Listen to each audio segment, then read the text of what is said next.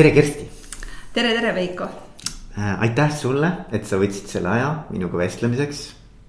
tänud sulle, et sa leidsid selle aja minuga vestlemiseks. mina leian alati aega vestlemiseks huvitavate inimestega et äh, kuidas me peaksime sind sisse juhatama, ma tean seda, et sa oled ühe sellise teemaga hästi seotud nagu tööandja bränding. Ja ma tean seda, et sa oled sellega seotud üle kümne aasta juba. kui ma ei eksi, siis kahe tuhande, kas kuues või seitsmes aasta sa tegid vist oma isegi mingisuguse akadeemilise töö selle, selle, selles teemas või? nii oli, nii oli ja et Eesti üks esimesi tööandja brändingu uurimusi, et samal ajal tegelikult tegi ka Kadi Tammkõrv, nii et me olime need esimesed, kes seda mm. valdkonda üldse nagu hakkasid tutkima. okei okay. Ja siis ma tean, et sa oled äh, siin toimetanud pikalt ka Instaris. ja, nii see on, et äh, peale seda lõputööd äh,, lõputöö sai meedia tähelepanu mingil põhjusel vaadati, et päris lahedad on need atraktiivsete tööandjate nimekirjad ja siis minuga võttis ühendust üks noormees nimega Tarmo ja küsis, kas sa tahad endale firma teha. ma ütlesin, et miks mitte. nii see algaski kunagi, kolmkümmend üks detsember kaks tuhat seitse aastal. väga äge, nii, nii äge, see on juba päris siis sihuke, mitu aastat siis äh, Instar toimetanud on? kaksteist või? kaksteist aastat jah, võimas jah. Teades, kui vähesed tegelikult ettevõtted üle kümne aasta üldse elus on, eks ju. Ja noh, eks ta algaski nagu kunagi hobiärina, et äh, teiste tööde kõrvalt, sest äh, tööandja bränding äh, sel hetkel, kaks tuhat seitse aastal, ei olnud kuum teema, nii nagu praegu et äh, see oli see aeg, kui tegeleti küll nii-öelda värbamisturundusega, sest kriisi veel ei olnud tulnud, kriis tuli kaks tuhat kaheksa aastal. ehk siis nagu popid olid igasugused värbamiskohukesed ja muud asjad, et ähm, aga. kas see oli see ka kohukese aeg või? Säästukohuke oli ja K-kohuke oli natuke enne seda ja igasugused põnevad asjad olid sellel hetkel, et okay. mina ise ei saku õlle teha, sest ma tegin ka pudeli kaelarääkijad tegid unistuste töökoht värbamiskampaaniat okay.. et äh, väga popp kampaania oli ainult noh, me tegime seda reklaami stiilis, nii et äh, oma töötajad seal liiga palju ära ei ostnud, nii et noh, see ongi see vahe tööandja brändingul versus värbamisturundusel siis, et sa saad värbamisturundusega kandidaadid koju, kuid sa ei saa võib-olla alati neid oma töötajaid seda sõnumit nagu levitama ja kandma mm. -hmm. aga see on kihvt jah, et, et see nii-öelda ajalooline nagu vaade, et, et, et me siin ennem rääkisime ka, et, et see ei olnud kunagi, eks ju, üldse nagu teema, et seda oli päris raske ilmselt ka müüa seda või mitte müüa, aga no üleüldse nagu inimestele kuidagi seda olulist tähtsust nagu selgeks teha, et aga võib-olla sa räägid natuke, et mis see, mis see nii-öelda see liikumine on olnud nende kümne, kaheteist aasta jooksul jaa, et, äh, et eks see algus oli selline täitsa uus maa, maailm nagu kõigile, et ka mulle, et ja ütleme, mingil määral nagu huvi oli tekkinud ütleme, värbamist sellise nagu võimenduse vastu. Ja see oligi siis ikkagi seotud sellega, et inimesi oli raske leida ka kaks tuhat kuus, kaks tuhat seitse aastal mind kutsuti nagu juba siis mingitel hetkedel rääkima, et kuidas siis paremini värvata ja mida saaks teha, et mis see värbamisturundus siis on.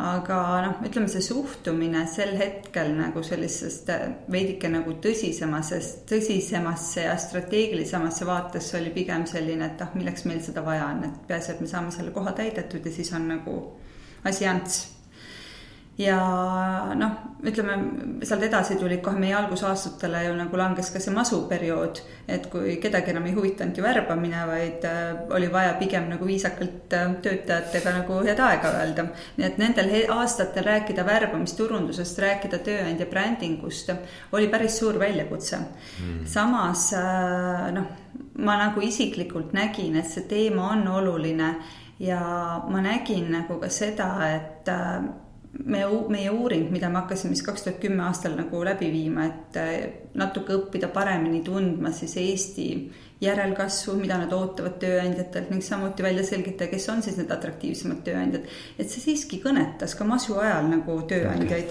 et see oli see, mis tegelikult andis jõudu, et, et võikski öelda, et, et eks see nagu ütleme, ükskõik mis organisatsioonis sa oled, et, et alati nagu noh, koostöö nagu kliendiga on selline niivõrd nagu see tugev vastastikune nagu selline side tekib, et tänu ka meie headele klientidele sellel ajal nagu me oleme siin, kus me oleme praegu. Mm.. et me nägime, et see, mida me teeme, et see oli vajalik kuigi noh, pean tunnistama, et ka sel ajal nagu, kui me tegime juhtidele ettekandeid, et siin on see atraktiivsus ja tuntus ja tööandja bränd, siis küsiti mult, et kuule, Kersti, kas sa ise mõtlesid selle tööandja brändingu välja, et kas on see järgmine sinise laine äh, äh, teooria jälle, mida meile igal juhtimiskonverentsil maha müüakse, et selline nagu skeps-, skeptilisus selle uue nagu nii-öelda juhtimisteooria osas oli noh, päris kõrge, et, et noh, tuled üritad lihtsalt midagi tühja õhku puhuda mm.. et, et see vajadust ei tuntud sel hetkel nagu nii tugevalt.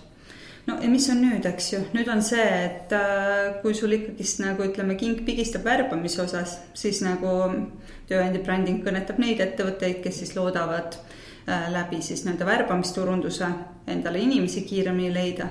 kuid samal ajal võib-olla nagu võib-olla üks teine nagu selline põhjus ka, miks võib-olla tööandja bränding on tänasel päeval ikkagist nagu muutunud niivõrd oluliseks, on kogu see maailma muutumine avatumaks et äh, kogu see, ütleme, tööturg, kogu, ütleme ka info, info liikumise nagu muutumine, et varem me olime suletud süsteemis, kus info liikus ülevalt alla ja inimesel endal ei olnud võimalus seda infot niimoodi mm. tavainimesel nagu jagada nagu ja levitada ja jõuda selle enda mõttega kuskile kaugemale, et täna on selleks sotsiaalmeedia. Mm.. iga positiivne ja veel hullem negatiivne asi liigub ka ettevõtte seest väljapoole, tahad sa või ei taha. võid teha nii palju reegleid, kui tahad, aga samal ajal nagu ikka info liigub.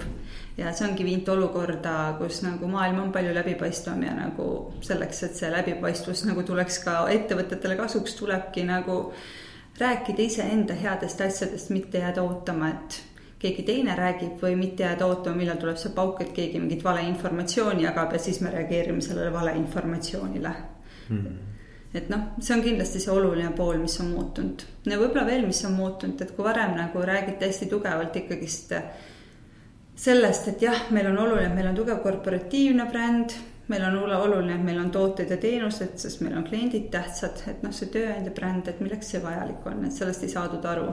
siis noh, täna ma võiks julgelt öelda seda, et tööandja bränding ei ole ainult see töötajate ja inimeste leidmise ja hoidmise nagu viis ja nagu sellel eesmärgil üles nagu kutsutud, vaid see on ikkagi selleks, et tagada see ettevõtte, organisatsiooni pikaajaline jätkusuutlikkus.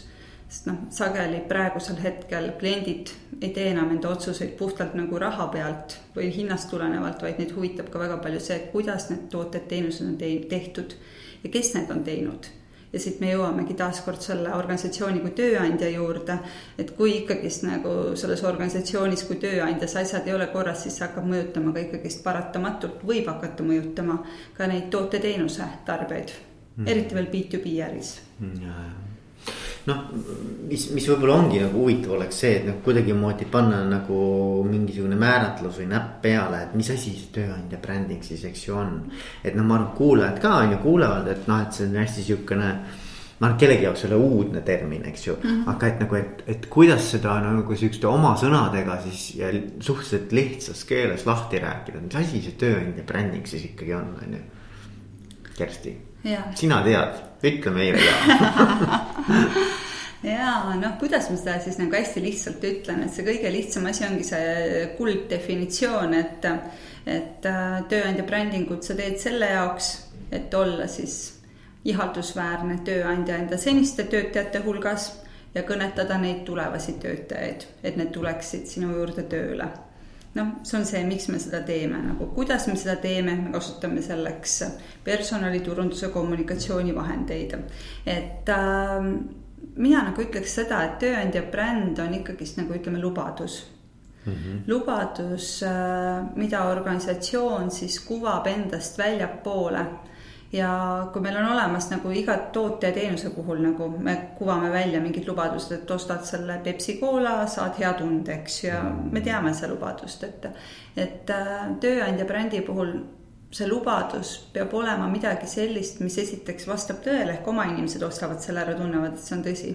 teiseks, see peab olema oluline sellele välisele sihtrühmale.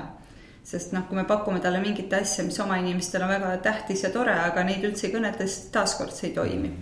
ja kolmandaks, see peab olema eristuv Mm. sest äh, noh, kui me räägimegi kasvõi siis sellest väärtuspakkumisest, me võime öelda, et noh, ettevõtetelt küsime, kas sul on väärtuspakkumine ja on küll, pakume see keskmisest kõrgemat palka, eks ju.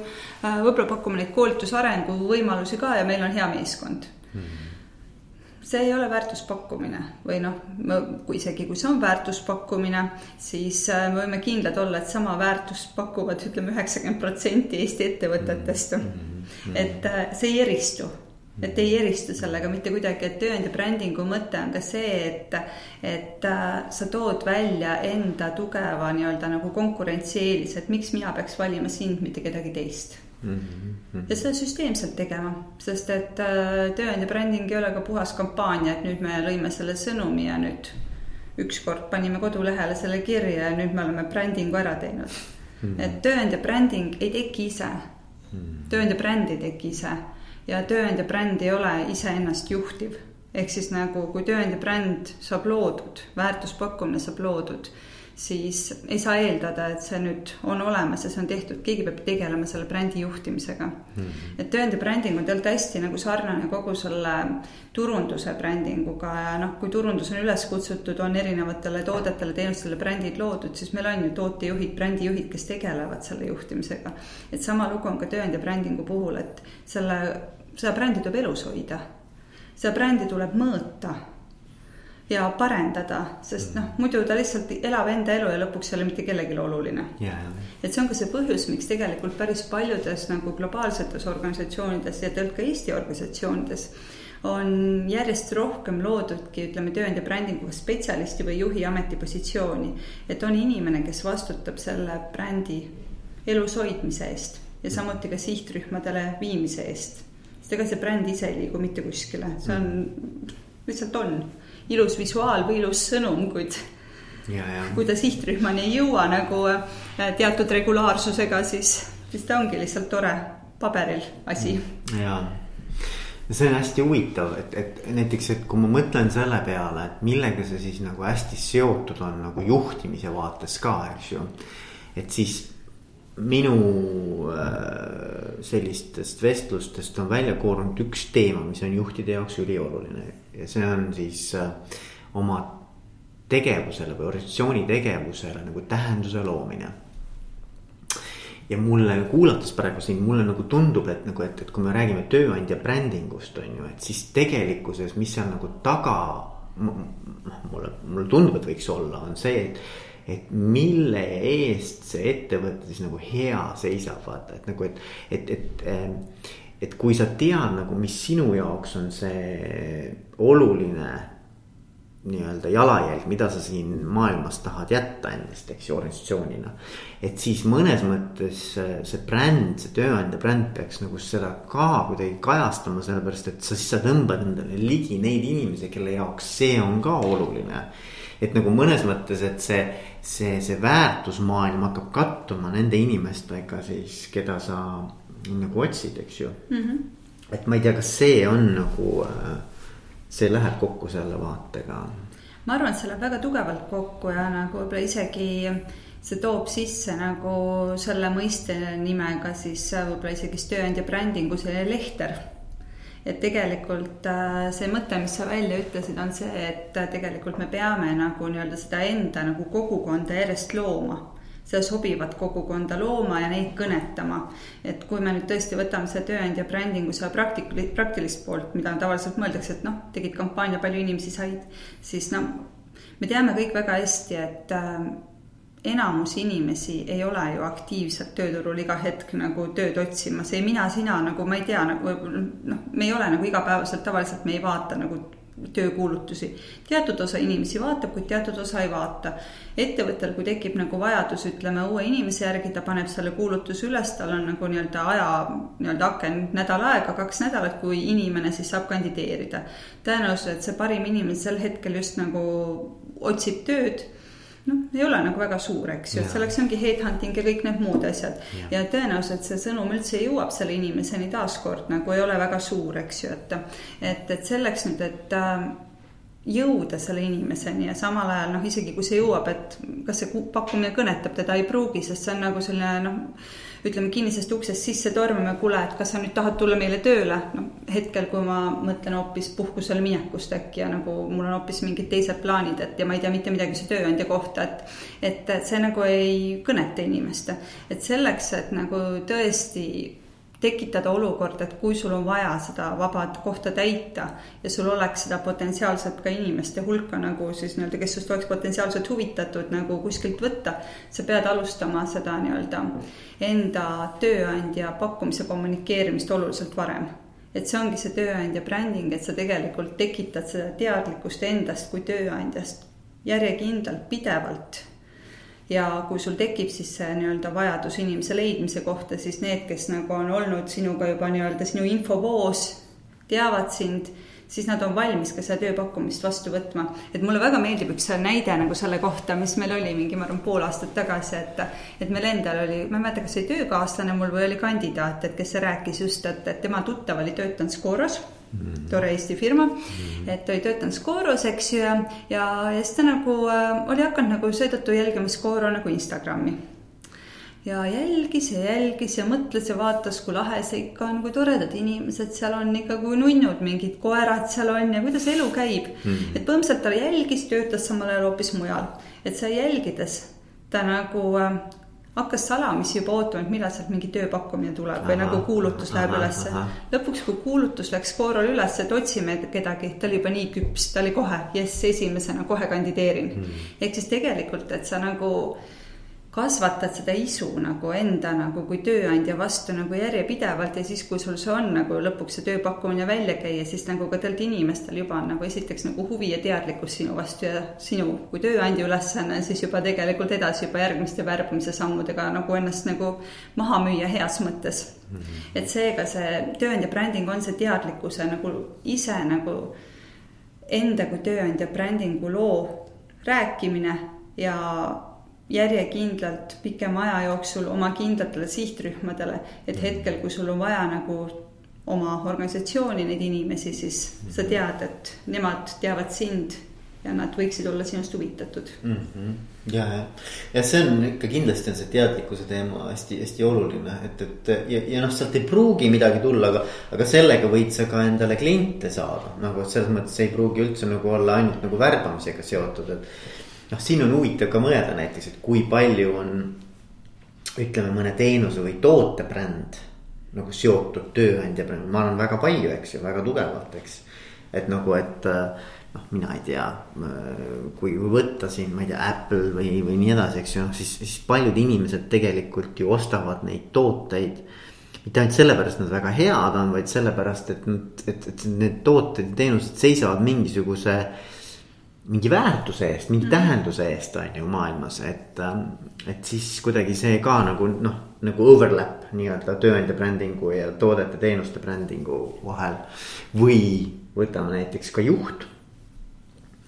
et juhi bränd, eks ju, et kuidas see persooni bränd nii-öelda kõige sellega haagib, eks ju ma ei tea, võtad siin äh, Richard Branson näiteks, eks ju, väga selgelt nagu noh tema selline persoonibränd on kindlasti väga kõvasti äh, Virgini peale üle nagu valatud, eks ju.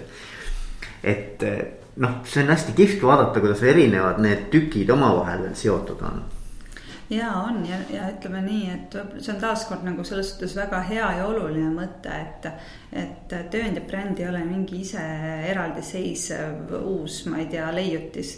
tööandja bränd peabki olema väga tugevalt seotud ettevõtte korporatiivse brändilubadusega, ta peab olema seotud ka toodete-teenuste brändidega ja absoluutselt tegevjuht peab tundma, et see on ka tema bränd nagu mm, -hmm. sest äh, vastasel juhul nagu noh, see asi ei toimi. -hmm. et äh, ta ei ole nagu mingi lihtsalt tühja koha pealt loodud ja noh, ilma, kui seda saab luua tühja koha pealt, aga mis siis jääb puudu, on see sünergia et äh, eks see tööandja brändingu puhul üks võib-olla selliseid keerulisemaid asju üldse nagu, kui rääkida nagu, mis on tööandja brändingu puhul keeruline äh,. selle ülesehitamise puhul ja selle elluviimise puhul tõenäoliselt ongi see nii-öelda erinevate äh, olemasolevate brändide nii-öelda konflikti lahendamine ja selle sünergia leidmine esiteks.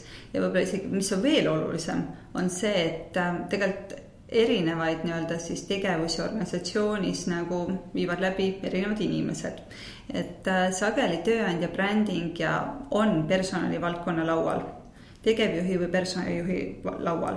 ja see on väga hea, sest et tegelikult personalijuht tunnebki kõige tugevamalt see KPI-d ja kasu nagu, et, et mina kui ka HR taustaga nagu ma väga tugevalt nagu ütleme, toetan seda, et see nagu jääkski HR-i lauale, aga siin on üks teine aga, et tegelikult tööandja bränding oma olemuselt on väga tugev turundus sest ta kasutab turunduse meetodeid ja vahendeid ja samuti kommunikatsioonimeetodeid ja vahendeid. ja nüüd on lihtsalt küsimus, et kuidas nagu saada ka enda organisatsioonis turundus kommunikatsioon, kõik ühiselt koostööd tegema. et, äh, et noh, kui me räägime väljakutsetest, siis see on nagu paljudel organisatsioonidel väljakutse. et noh, kasvõi näiteks, et äh, me käisime nüüd ül, üle-eelmine nädal jah, Lissabonis maailma ühel olulisemal tööandja brändingu konverentsil World Employer Branding Day'l kus enda tööandja brändingu teekonna kogemusi jagasid küll Marss, küll LinkedIn, küll Facebook äh,, Accenture äh,. mis sealt välja tuli, oli see, et, et, äh, et ega kellelgi ei ole lihtne olnud mm. -hmm. et mõnikord nagu tekitab see tööandja bränding sellise tunde, et appi, et kuidas ma sellega hakkama saan või et nagu, et keegi ei taha organisatsioonist seda veel ära osta. ka suurtel organisatsioonidel see algustee ei ole lihtne olnud, sest et me teeme asju mida varem ei ole tehtud Mm -hmm. ma ei mäleta, kes see oli, kuid mulle väga meeldis, see oli ka paar nädalat tagasi oli vist mingi artikkel või kuskil oli selline lause, et, et äh, et aga tööandja brändingu valdkonnas sa oled kui pioneer, kellel nägu on mudane ja selg on äh, nooli täis mm.. et tegelikult, kui sa nagu oled selline teerajaja, siis mm. paratamatult see ei ole lihtne. et äh, organisatsiooni sees või meie nõustajana vahet ei ole et, et kui sa lood uut asja, siis sa pead arvestama sellega, et kõik inimesed ei tule kohe hurraaga kaasa ja sa peadki nagu rahulikult selgitama, mis on nagu iga osapoole kasu sellest suurest projektist mm. -hmm ja, ja, aga kas sa oskad nimetada Eestis näiteks mõned, ma ei tea, kas tahad nimetada mõnda ettevõtet või organisatsiooni, kellel nagu sinu jaoks on nagu noh, tundub, et on nagu väga sihukene teadlik töö olnud sellega ja nad on edukad olnud või?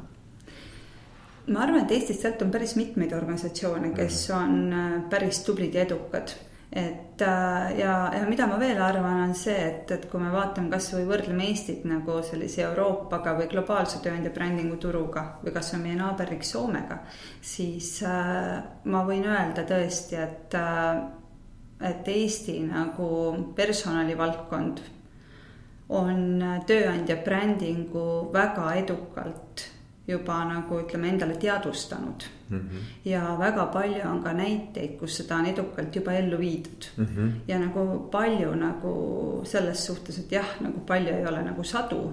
aga kui me võrdleme nagu kasvõi Eestit Soome turuga, mis on nagu kordi suurem, siis äh, seal tööandja bränding, ma arvan, et see on mingi paar aastat nagu Eestist maas. kuigi seal on globaalsed ettevõtted, mis nagu on väga kõvad sõnad ja võib-olla isegi see nagu äh, on päris hea indikaator, mis näitab, et Eestis tööandja bränding on nagu oluline teema, et, et noh, kasvõi seesamune World Employer Branding Day konverents Lissabonis Eestis tuli kakskümmend kaheksa delegaati. Äh, mida on ikka väga palju, et, et taaskord, et, äh, et, et, et ma arvan, et huvi on olemas, kuid teine asi on see, et, et meil ka nagu vaikselt tehakse, kuid see ei ole mitte kellelgi kerge nagu mm. -hmm. aga noh, suurtest ettevõtetest nagu, kes on ju nagu tegelikult siin juba a la aasta, aastasadu tege-, tegutsenud nii tööandja brändingu korporatiivselt, kasvõi Eesti Energia, eks ju. et äh, nad ongi suur organisatsioon, kuid nad on kogu aeg seda valdkonda ka nagu väärtustanud et, äh, et eks see järjekindlus viib sihile nagu aga nüüd võib-olla ongi hea rääkida, vaata te teete ju Instaris neid iga-aastaseid äh, tudengite seas neid, siis äh, mainekama või atraktiivsema organisatsiooni või ettevõtte või tööandja, tööandja, vabandust, atraktiivsema tööandja küsitlusi, neid uuringuid, eks ju. et kuidas seal nagu see pilt on, mis seal muutunud on aastatega on? Ja me oleme tegelikult siis aastast kaks tuhat kümme neid uuringuid läbi viinud, nii et sel aastal juba kümnes aasta jutti toimub see uuring ja noh, uuringute osas meil on tegelikult ütleme, kolme liiki uuringud on siis tudengite uuring, kutsekoolide uuring ja kogenud töötajate uuring, ehk siis siit tuleb Aa, ka nagu. kõik need jah okay., täpselt, et kõik need kolm mm -hmm. erinevat sihtrühma, mis annab sellise päris hea võrdluse nagu ütleme, kogemusega inimese, siis kõrghariduse ja siis oskus nagu valdkonna vahel ka kätte nagu ja noh, võib-olla mida nagu võib-olla siis välja võiks tuua, et, et äh, võib-olla veel nende uuringute ja aumärkide selgituseks, et enne. aumärgid on ka?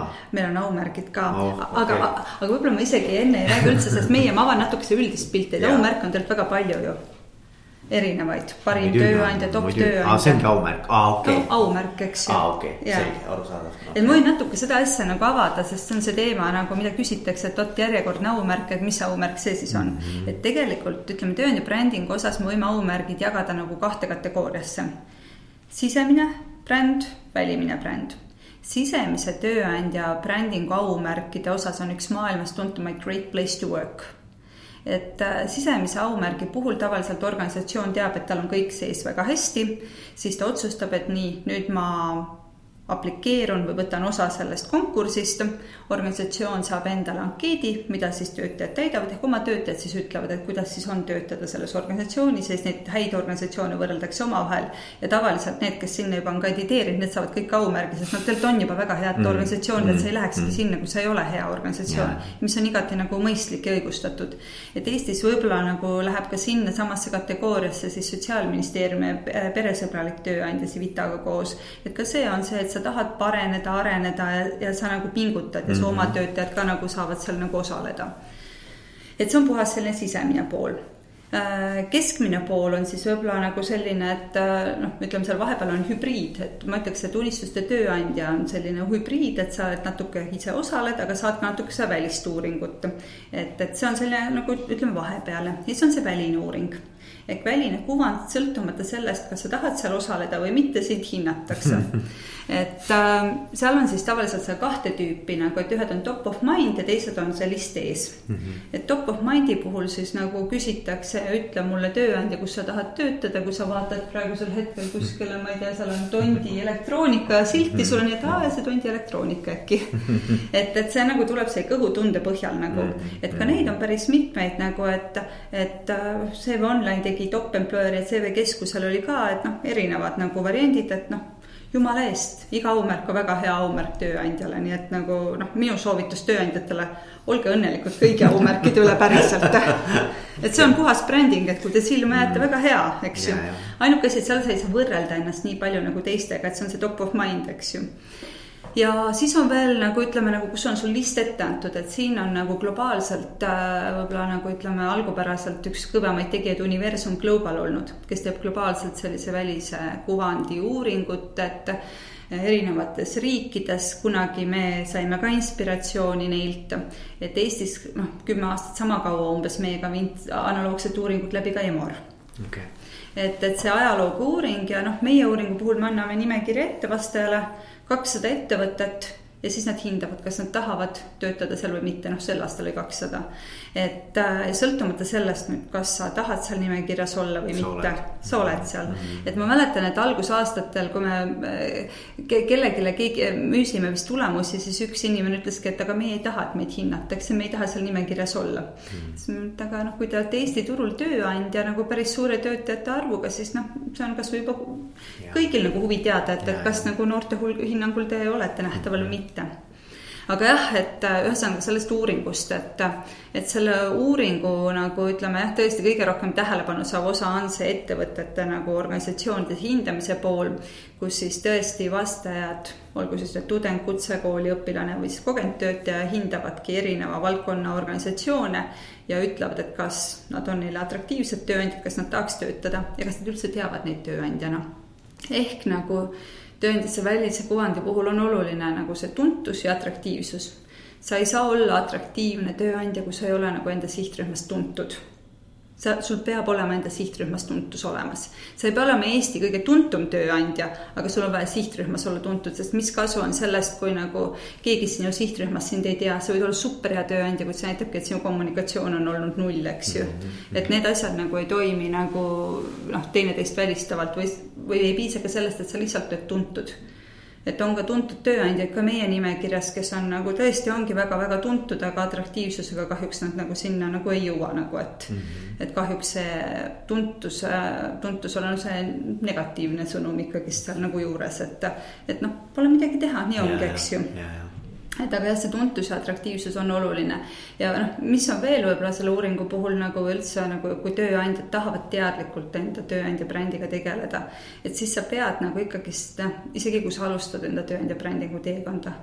sa pead teadma, kus kohas on see alguspunkt, kus sa hakkad teele asuma sest kui sa seda ikka ära ei kaardista, siis sa ei saa ju hinnata, kaugele ma jõudnud olen mm. -hmm. ja see on minu arust nagu üks põhilisi nagu taaskord probleeme nagu, et kui juhid küsivad, siis nagu, et noh, aga kaugele me siis nüüd jõudnud oleme või mis see tulemus on. kui sa ei ole alguspunkti kaardistanud, siis sul ongi sul väga raske öelda, et nii, nüüd me oleme jõudnud sinna, eks ju mm. -hmm et kui sa vaatad ainult värbamiste pealt, noh, värbam-, Eestis inimesi ongi iga aastaga tööealisi inimesi järjest vähem, et ega see värbamine kergemaks ei lähe nagu mm. et siis ongi need hoopis need teised tegurid, et sa pead teadma, kes on sinu tööturu sihtrühm neile seda kontsentreeritud sõnumit edastama, et see ongi seda teadlikkust läbi lehtri tööandja brändingu lehtri tekitama ning äh, siis sa saad hinnata, et kas nagu läbi uuringute, et kas siis nagu nende huvi sinu vastu on läbi nende tegevuste kasvanud või mitte. et ühesõnaga see teadlik lähenemine, see lihtsalt on nii oluline, et ei saa teha asju kõhutundele, et kui tööandja brändingu puhul mõnikord räägitakse ka, et ah oh,, töökuulutus, mängustatud lahendus, värbamiskampaania, teeme video ka, no nüüd ongi juba tööandja bränding tehtud. See ei ole tööandja bränding, need on lihtsalt ühed tööandja brändingu tööriistad. Hmm. tööandja bränding hakkab sellest, et sa tead, kes sa oled tööandjana, sa mõtled selle nagu see ongi see alguses sa ütlesid, et sa mõtled selle väärtuse välja, enda tähenduse välja. Mm. ja sa hakkad seda nagu läbi kõigi nende tegevuste nagu edasi kandma, mitte nii, et natuke seda, natuke teist, lõpuks sa ei saa juhtida lihtsalt. Yeah et see süsteem peab olema taga, sest süsteemi on võimalik nagu kasvatada, arendada ja edu saada kaootilisusega nagu noh, on keeruline natuke. aga kuidas see, noh, kuidas need tulemused nagu aastate jooksul, et, et mismoodi seal mm -hmm. nagu see mhm. trend või liikumine on, et äh, natukene räägid sellest? ja, jah, sest tegelikult nagu ütleme, uuringul kõige olulisem, suurem osa, kaks kolmandikku tegelikult sellest uuringust üldse puudutab tööootusi mm. -hmm. et äh, tööootusi, töökoha valiku kriteeriume ja, ja üldse kandideerimiskogemustki ja noh, mida ma võin siis öelda, et tudengiuuring on see, mida tõesti nüüd nagu kümme aastat on läbi viidud, igal aastal üle kahe tuhande vastajat, mõndel aastatel ro veel rohkem. meil on ingliskeelsed vastajad seal nüüd tulnud ingliskeelse uuringuga, aga mida me oleme näinud selle kümne aasta jooksul, mõned trendid. et äh, kaks tuhat kümme aastal me esimest korda siis, kui viisime läbi, küsisime seal ka, et millises sektoris sa eelistad töötada. see oli see masu kõrghetk arusaadav, avalik sektor oli stabiilsuse pärast juba kõige nagu popim. aga me olime pannud sise, küsimuse sisse ka, et erasektor nii-öelda ütleme see palgatöötajana, kuid ka erasektor nagu iseendale tööandjaks olekuga mm. -hmm. iseendaks töö, iseendale tööandjaks oleku huvi esimestel aastatel oli umbes mingi kümne protsendi juures vastajatest mm. -hmm. kui meil on kaks tuhat vastajat, siis umbes kakssada ütles, et noh, võiks olla iseendale tööandjaks täna, ehk siis nagu tal kaks tuhat kaheksateist aasta uuringu tulemustest, kaks tuhat üheksateist aasta uuring nüüd meil täna-homme lõppemas. aga et kaks tuhat kaheksateist aasta uuringu tulemustel võib öelda, et iseendale tööandjaks soovimise huvi on oluliselt kasvanud, see on ligikaudu kolmkümmend protsenti. ehk siis, mis sõnum on see tööandjatele? tööandjatel ei ole see sõnum, et oh, nüüd kõik need noored tahavad hullult nagu hakata enda firmasid üles looma ja me jääme neist täitsa ilma, pigem ei, see sõnum on see, et nagu väga tugevalt väärtustatakse ja hinnatakse paindlikke töösuhteid ja lepingulisi, erinevate lepingutega töösuhteid, ma töötan natuke sulle, natuke talle, natuke kolmandale mm. -hmm. et, et ma ei ole nagu noh, kogu eluks nagu millegagi seotud varem need asjad ei olnud võimalikud ka, et eks see tööelu on jälle taaskord yeah. muutunud, et kümme aastat tagasi ma võisin tahta sellist asja, kuid nagu ükski tööandja ei pakkunud mulle, eks ju, süsteemid ei olnud nagu nii kaugele läinud, arenenud, et täna. see on natuke sihuke kontraktori töö, eks ole, et nagu, et sa, sa teedki nii-öelda mingeid konkreetseid töölõike erinevatele klientidele, eks ju mm. -hmm, et sa ei ole nagu ühes kohas sada protsenti vaid et sa saadki nagu pakkuda oma tugevusi ja kompetentsi ja oskusi vastavalt siis äh, erinevatele klientidele. täpselt, kuid noh, ütleme niimoodi, et kui varem nagu oli väga raske tavalisel inimesel neid erinevaid kliente leida, siis nüüd see on palju lihtsamaks muutunud, kasvõi Google Workup-it, et sa saad ka lihtsalt tööd niimoodi, teen natuke sulle, natuke sulle, eks ju, et. Mhm. et, et see on lihtsamaks läinud, et see on nagu võib-olla üks asi, mis on nagu selline suur selline muutus ja trend nagu aastate jooksul toimunud teine võib-olla trend on siis nagu puudutab töökoha valiku kriteeriume et see on taaskord siis meil selles nagu üks pikemaid ja põhjalikumaid osasid, et me küsime nagu vastajatelt siis, et millised on nagu need, palume hinnata tegurid, et kui, et kui olulised nagu erinevad tegurid on töökoha valikul. et kas siis väga-väga olulised või ei ole üldse olulised. Neid tegureid, mida nad hindavad, neid väiteid on kokku mingi nelikümmend viis, ikka kõvasti, need on plokkidesse jaotatud töö sisu, mingi tasustamine, sotsiaalne vastutus, noh aga kui me võtame nüüd plokkida nagu üles sealt nagu selle edetabeli välja ja võrdleme siis kaks tuhat kümme aastat, kaks tuhat kaheksateist aastaga, siis me näeme seda, et jah, mingid asjad on jäänud samaks. endiselt väga oluline on töö sisu, huvitav ja arendav töö et nagu tööandja pakuks seda huvitavat ja arendavat tööd, okei okay,, selge, tahame huvitavat ja arendavat tööd. -hmm. aga mis on muutunud, on see, et, et äh, number üheks eelmine aasta kerkis võrdne aus kohtlemine mm väga huvitav. olulisemaks kui palk mm., olulisemaks kui seesamune huvitav ja arendav töö mm.. et taaskord see on selline pigem selline ühiskonna ja nagu kultuuri võib-olla nagu muutuse.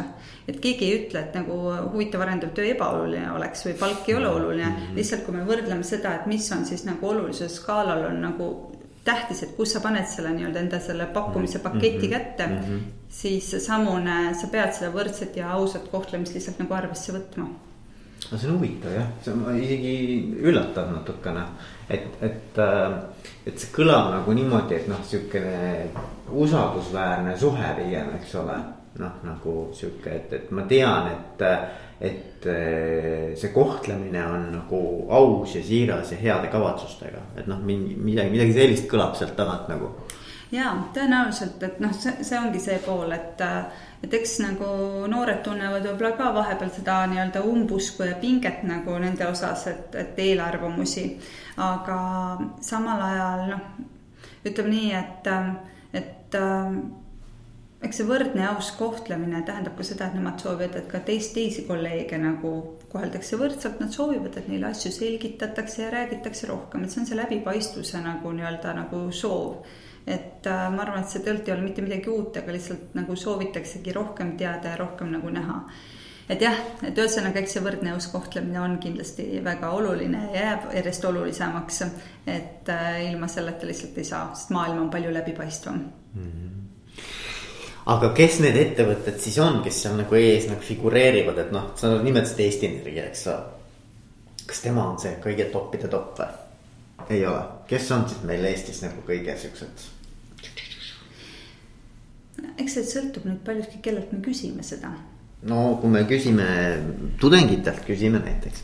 ja kui me küsime Eesti keskmiselt tudengilt mm -hmm. üle kahe, kaks tuhat viissada vastajat siis eelmine aasta, siis edetabelist nagu Eesti keskmise tudengi jaoks eesotsas on Eesti edulood Eesti edulood sõltumata nüüd sellest, et nagu kuidas nad nüüd on, mis noh, ütleme nagu, mida nad täpselt teevad, et Eesti edulood, IT-sektor. et viimased viis aastat on seal Skype väga tugevalt figureerinud. eelmine aasta tegi Transferwise, võttis koha üle, muutus number üheks aga võib-olla isegi noh, need ei ole nii üllatavad nagu ettevõtted, et, et, et eks IT-sektor tõesti on ülespoole roninud, aga mis on võib-olla üllatav ja see üllatus tekkis meil ütleme neli-viis aastat tagasi, äh, on see, et top kümnes on äh, ministeeriumid.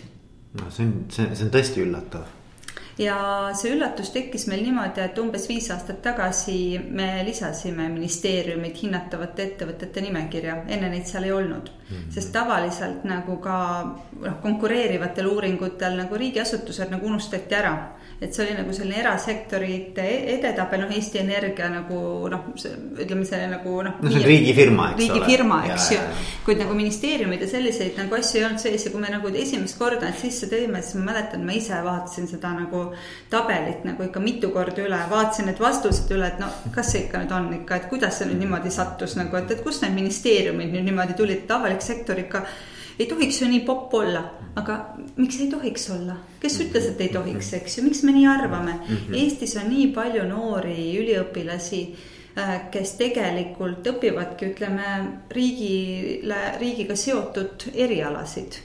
et äh, ja nende jaoks nagu riigitöö on nagu see asi, kuhu nad tahavadki minna, seepärast nad ongi enda eriala õppima läinud. et noh, näiteks top kümnes ongi Haridus- ja Teadusministeerium samuti on seal äh, Keskkonnaministeerium, et noh, eks need. aga ma arvan, need on seotud nende väärtustega, ma, ma arvan, et see on väga palju seotud sellega, on ju. ja ma olen sada protsenti talt nõus, et eks, eks nende kahe ministeeriumi nagu populaarsust kindlasti mõjutab ka nende nagu valdkonna praegune aktuaalsus. et olgu siis haridusvaldkonnas kogu see õpetajad, kooli, noored õpetajad tagasi kooli, et, et kogu see pool nagu mõjutab kindlasti. üldse hariduse olulisus, eks ole. täpselt, täpselt, täpselt ja keskkonna pool ka kogu see, ütleme, see rohelise mõtteviis nagu maailma nagu muutumine. ja, ja, ja, ja, et see makes sense, ütleme niimoodi, kui sa hakkad nagu mõtlema, eks ole aga noh, teiselt poolt muidugi kunagi ei ole olnud nagu avalik sektor väga atraktiivne nagu selles mõttes, et no vähemalt mulle tundub niimoodi, et, et mhm, aga see on väga tore, mul on väga hea meel selle üle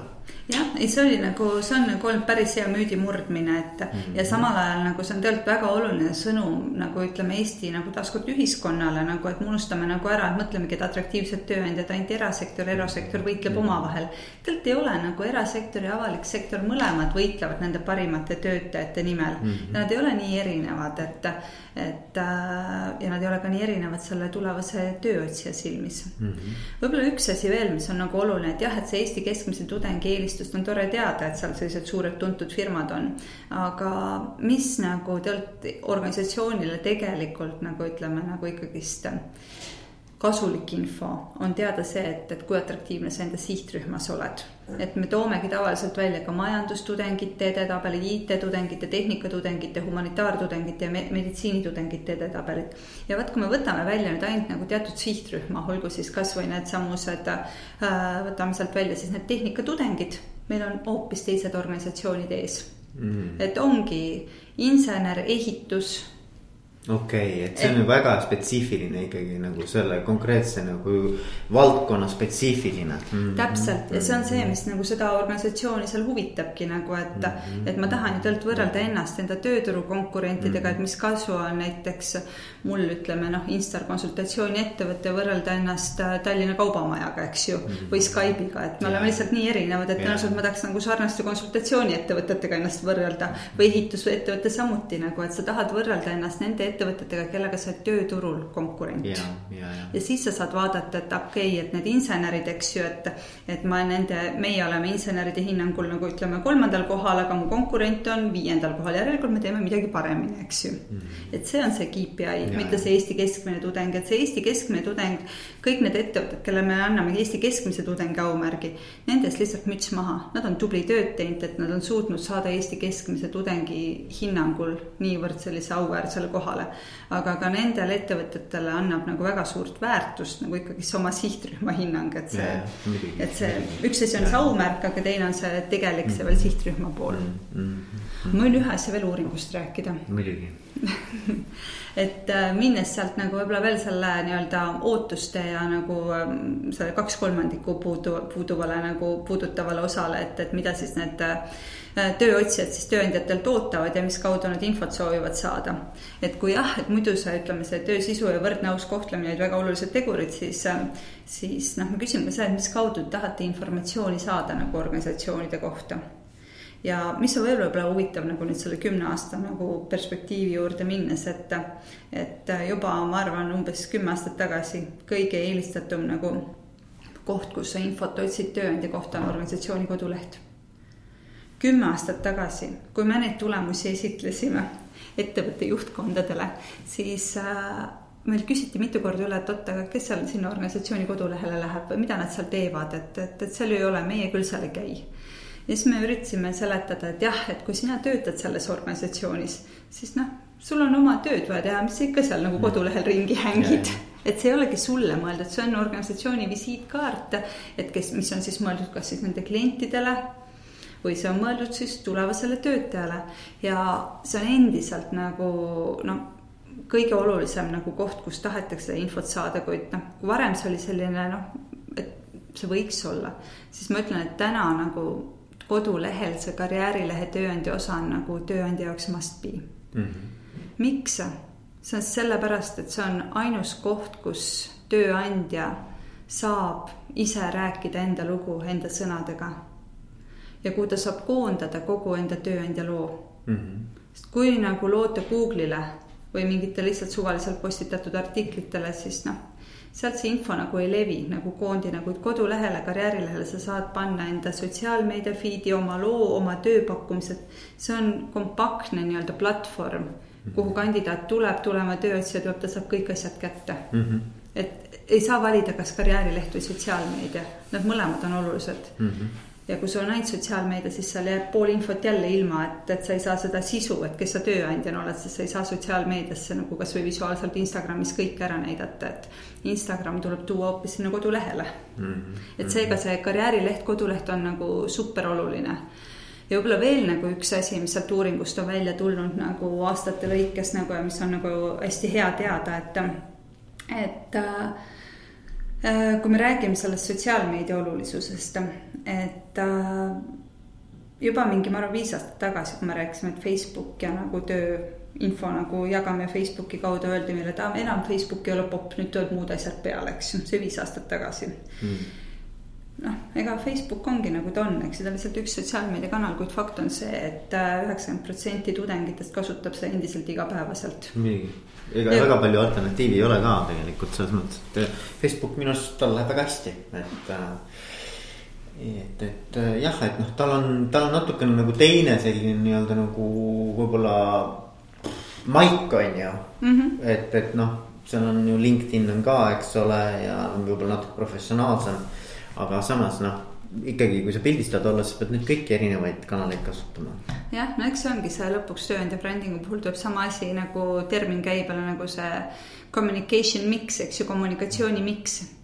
sotsiaalmeedia mix, kanalite mix, et sa kasutadki erinevaid kanaleid eh, erinevate sihtrühmadega suhestumiseks ja erinevatel otstarbetel, et Facebook võib-olla ongi see, kus sa paned enda paid ad'iga selle töökuulutuse Instagram on see, kus sa näitad enda inimesi, enda tegelikku elu, sest see on pildi visuaalile.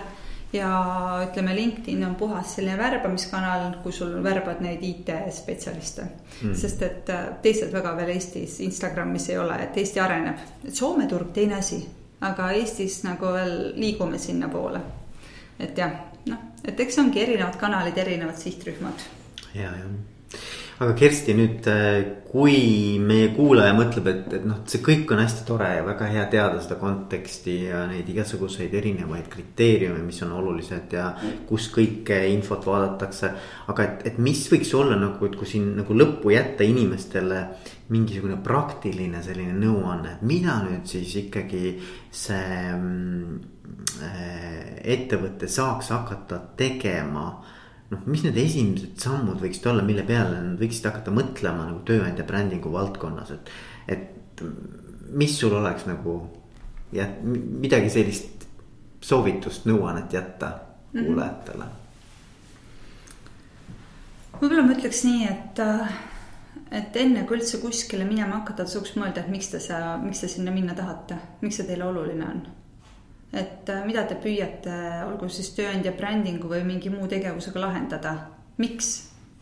et see on see esimene küsimus nagu, et äh, sest siis saab hakata nagu edasi mõtlema, et kuidas siis nagu miksile nagu lahendusi leidma. aga noh, praktiliselt rääkides, et, et kui on leitud nagu põhjus, et miks, miks me peame sellega tegelema, siis esimene samm on ikkagi see olukorra kaardistamine et olukorra kaardistamine nii sisemiselt kui väliselt, et kui palju on praegusel hetkel organisatsioonis neid inimesi, kes on valmis tööandjat sada protsenti soovitama, kui palju on tööandjasaadikuid, kas teil on see info olemas, kui ei ole, tehke uuring mm. -hmm. kui teil on uuring tehtud, kasvõi rahulolu uuring, koguge sealt see info väljas, et alati ei pea kõiki asju täitsa nullist tegema, võib-olla te saate vanast infost selle asja kätte nagu mm. -hmm. et ühesõnaga kaardistage nagu see sisemine olukord ära pluss saage teada, mis teeb teid eriliseks tööandjaks, taaskord äkki te saate vanadest uuringutest selle teada, võib-olla mitte, eks ju teine pool on see, et väline kuvand ikkagist, et äh, kui te tahate hakata enda sihtrühmi kõnetama, siis esiteks tulete üldse mõelda, kes teil need sihtrühmad on. et üritades taaskord meeldida kõigile, et lõpuks ei kõneta mitte kedagi mm. -hmm. sihtrühmad tuleb nagu ikkagist leida, olgu need üks või kaks või kolm, et ei tasu neid liiga laiaks ka ajada, sest muidu lihtsalt ei jõua neid nagu ellu viia, läbi viia nagu ja sihtrühmade osas siis teada saada, et kui tuntud ja atraktiivsed te olete.